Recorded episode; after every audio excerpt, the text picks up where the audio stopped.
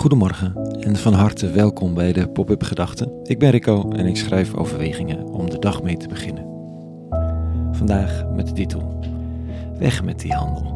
Pop-up Gedachten vrijdag 24 november 2023.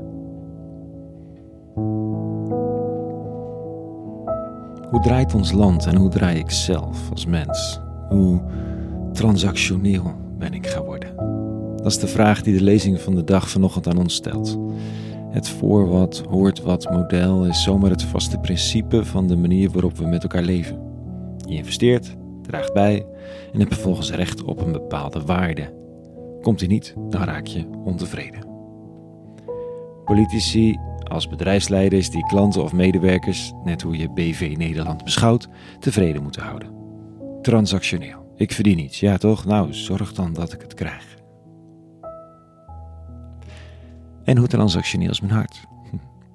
Dat ik investeer in goed doen, in de veronderstelling dat ik daarvoor ook iets goeds terugkrijg en anders een beetje gefrustreerd raak over het leven. Of in religieuze zin, investeren in het goed doen, goed bidden, goed whatever, om goddelijke, goddelijke goedkeuring over je leven of zelfs een hemel, eigenlijk een soort pensioen, maar dan eeuwig, op te bouwen. Wat je ook denkt over de verkiezingen, het land is in elk geval ontevreden. De boel kost te veel en levert te weinig op. Te weinig veiligheid, te weinig aandacht en nog meer. En als er dan iemand komt die met bravoure gouden bergen belooft, dan moet hij maar een kans krijgen. Ook als hij wat idiote ideeën erop nahoudt. En ik, als ik te lang braaf heb geleefd, begint het ook te knillen. Wil ik opeisen wat ik meen verdiend te hebben, linksom of rechtsom. Is er een ander model dan het verdienmodel? En welke dan? Vandaag in de lezing maakt de rabbi van Nazareth ruimte in de BV die de tempel is geworden. Dit staat er. In die tijd ging Jezus de tempel binnen en begon de verkopers eruit te jagen, terwijl hij tot hen zei: Er staat geschreven: Mijn huis moet een huis van gebed zijn, maar u hebt er een rovershol van gemaakt.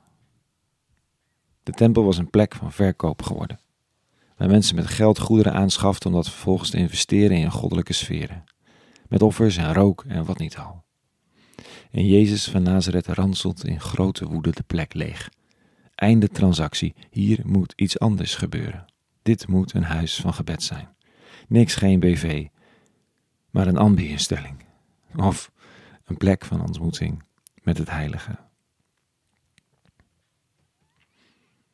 Wat is het verschil?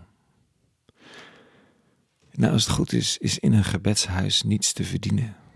Niet als het aan de Abrahamitische religies ligt.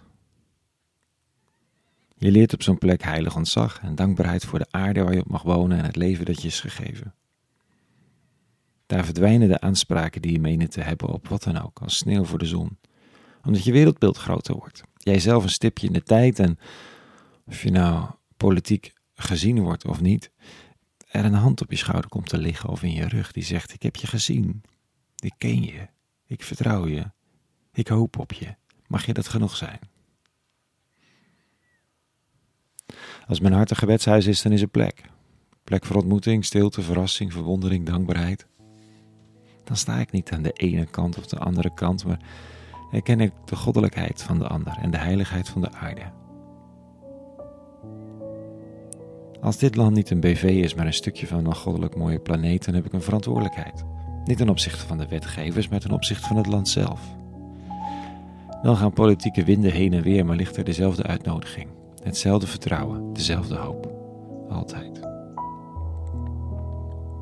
Vandaag haalt een rabbi een bezem door de tempel. Misschien tijd om die ook eens door mijn eigen hart te halen. De aanspraken te laten varen, de verwondering terug te vinden, de dankbaarheid en eventueel de smeekbeden. Om zo in Gods wereld rond te stappen en niet die van een politieke partij. Het kan net even rust geven. En moed.